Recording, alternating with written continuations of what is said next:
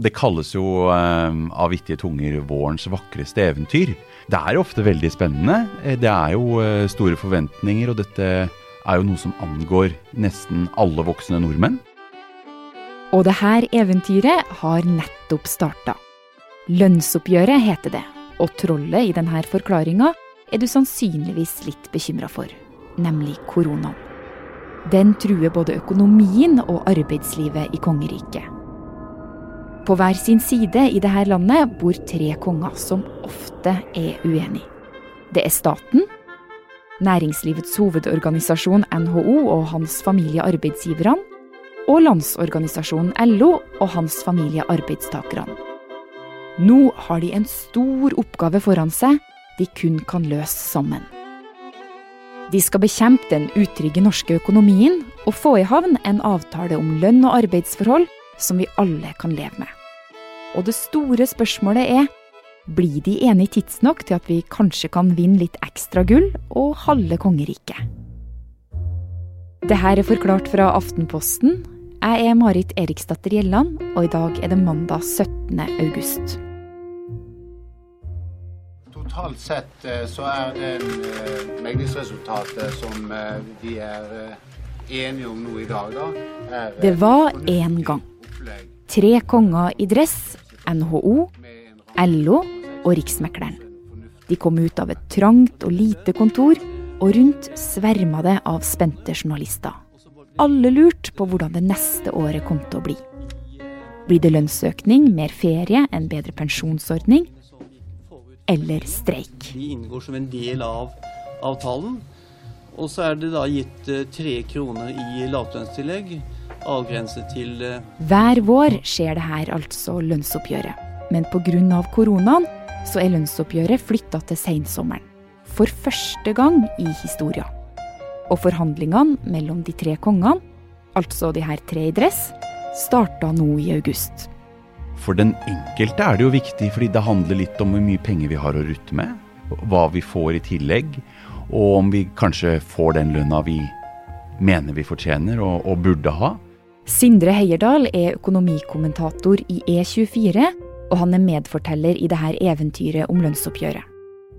For å forstå hvordan dette fungerer, så må vi tilbake til de tre dresskledde mennene som du møtte i stad.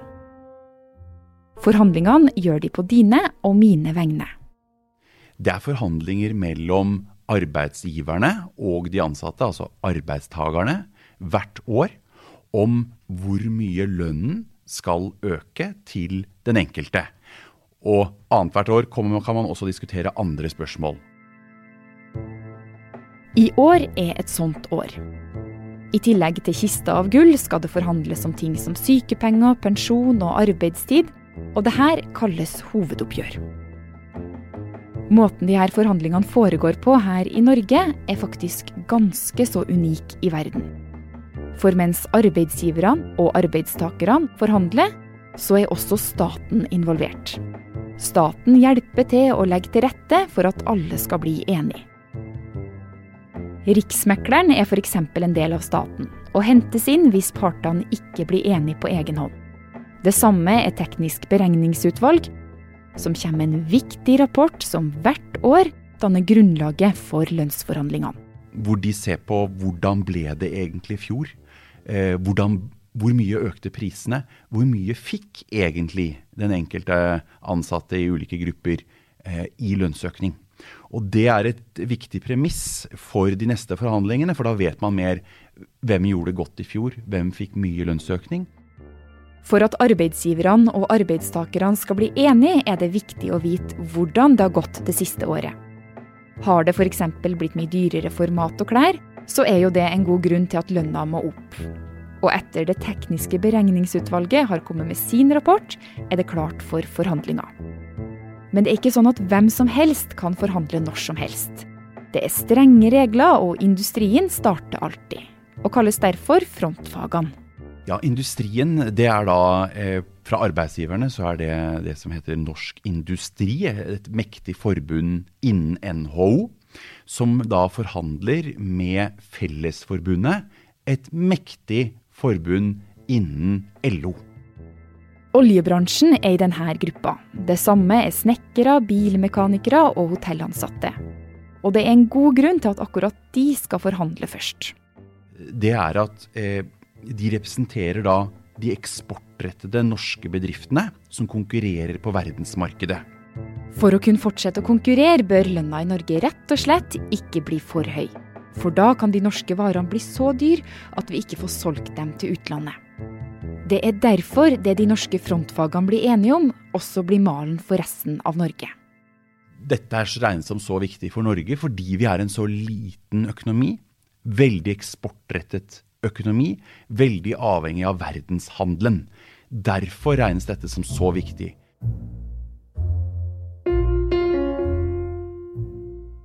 Vårens vakreste eventyr har blitt til en vanskelig sensommerfloke. Fordi det mangehoda trollet koronaen herjer i kongeriket. Og hvis kong NHO og hans familie får den løsninga de vil, ser det ikke særlig lovende ut. Nå er altså forventningen fra NHO-familien foreløpig null kroner og null øre i lønnsøkning.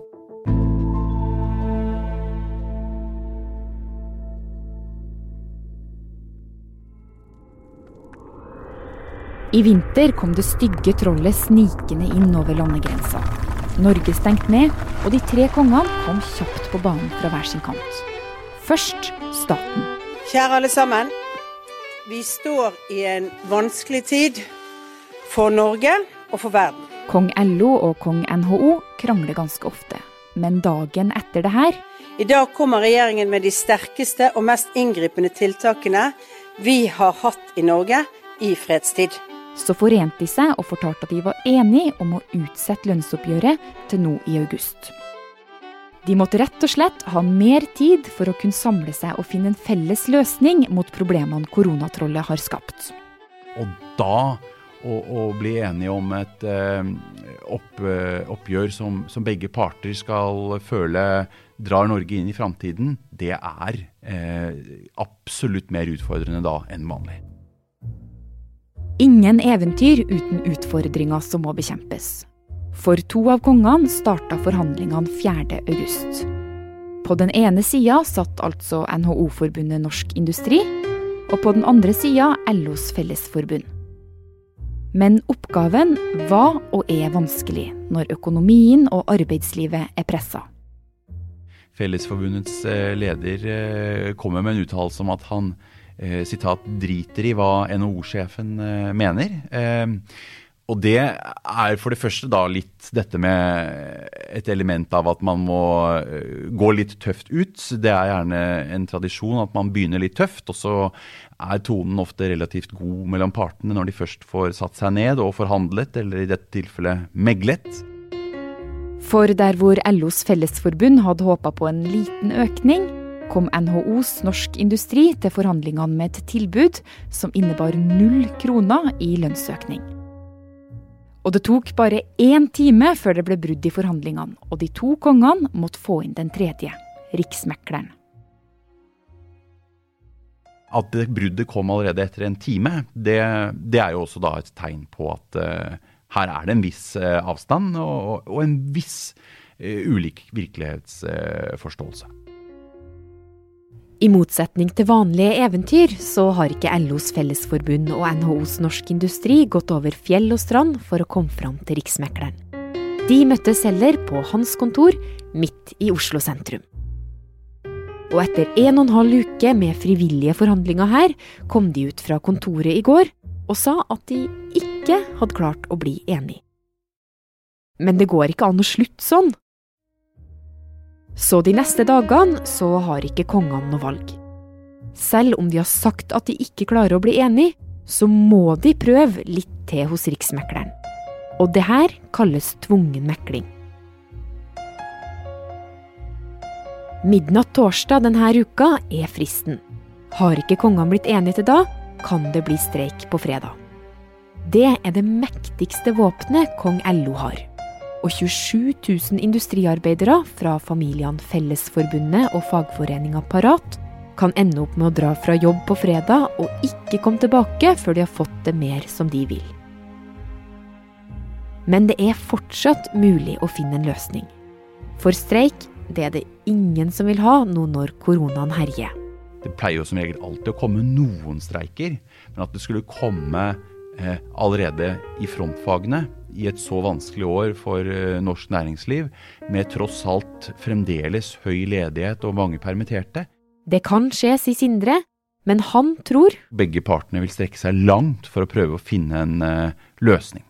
Og det de til slutt blir enige om, med eller uten streik, det angår oss alle. Sindre han er ganske sikker på at vi får en balanse mellom lønnsøkninga og prisstigninga. Og han tror Fellesforbundet vil prøve å få litt ekstra i tilfelle prisene øker mer enn forventa. Og nå forventes det jo veldig lav prisstigning. 1,2% er veldig lite. Men det trenger ikke å slå til. Det kan fint bli 2% Og da er jo utgangspunktet for alle ansatte mye dårligere. Ja, Så det her det er rett og slett umulig å si, men man kan liksom gjette litt. Man kan jo gjette litt, men, men dette er jo også noe f.eks. Fellesforbundet og andre på arbeidstakersiden også kan bruke. De kan jo også argumentere med at det er ikke gitt at eh, prisene bare øker med 1,2% Vi må ha noe mer for å sikre at kjøpekraften vår i hvert fall ikke faller. Så hvis det blir sånn som Sindre sier, så er det ikke i år vi får den store lønnsøkninga. Verken de som jobber i industrien, eller oss andre som skal forhandle etterpå. Men er det rettferdig? Hva med alle de som har stått på og slåss mot koronaen, altså sykepleiere, leger, butikkansatte? Burde ikke i hvert fall de få litt ekstra i år? Ja, det er, det er et element her som kan bli litt vanskelig, eh, rett og slett. Men det er jo eh, også vanskelig bare fra, fra starten av å definere hvilke grupper fortjener ekstra lønn, Hvilke grupper har vist sin enorme verdi under korona. Åpenbart eh, er sykepleiere og hjelpepleiere blant de, men eh, det er da også renholdsarbeidere, bussjåfører. Eh, det er ganske mange grupper når man begynner å tenke etter, så, så det kan bli vanskelig å definere. Og det er altså sånn at frontfagsmodellen legger visse føringer, og det kan bli vanskelig å gå utover. Iallfall om man ønsker å bevare eh, elementet av samhold og solidaritet innad eh, på arbeidstagersiden. Så, så, dette blir jo eh, vanskelig. Og, og er, vil bli en utfordring, selvfølgelig. Vi vet ennå ikke hva slutten på dette eventyret blir. For forhandlingene er ikke ferdig, og de tre kongene har frist til midnatt 20. til å skape enighet. Så kan du være spent på årets oppgjør? Ja. For det de blir enige om, er avgjørende for hele kongeriket, og for alle forhandlingene som kommer etterpå nasjonalt og lokalt. For selv om ikke lønnsøkninga blir det store, så kan det hende at fagforeninga kan forhandle om andre goder. Det er jo hovedoppgjør, og mye som skal til forhandling. Og hvis du skal komme med noen tips da, til alle sammen som hører på, som kanskje lurer på hvordan skal det gå med lønna mi fremover? Hva tror du?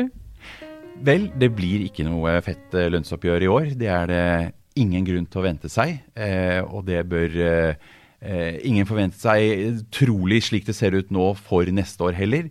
Det finnes ingen vaksine ennå, og koronaviruset kan bli med oss i mange år. Det vil dempe økonomiene eh, markant også framover. Eh, men vi er tross alt inne i en innhenting, og, og det kan se lysere ut eh, inn i neste år. Eh, men dette er ikke det store året. Og om det her ikke blir året med ekstra gull og halve kongeriket, så kommer det alltid nye år og nye oppgjør.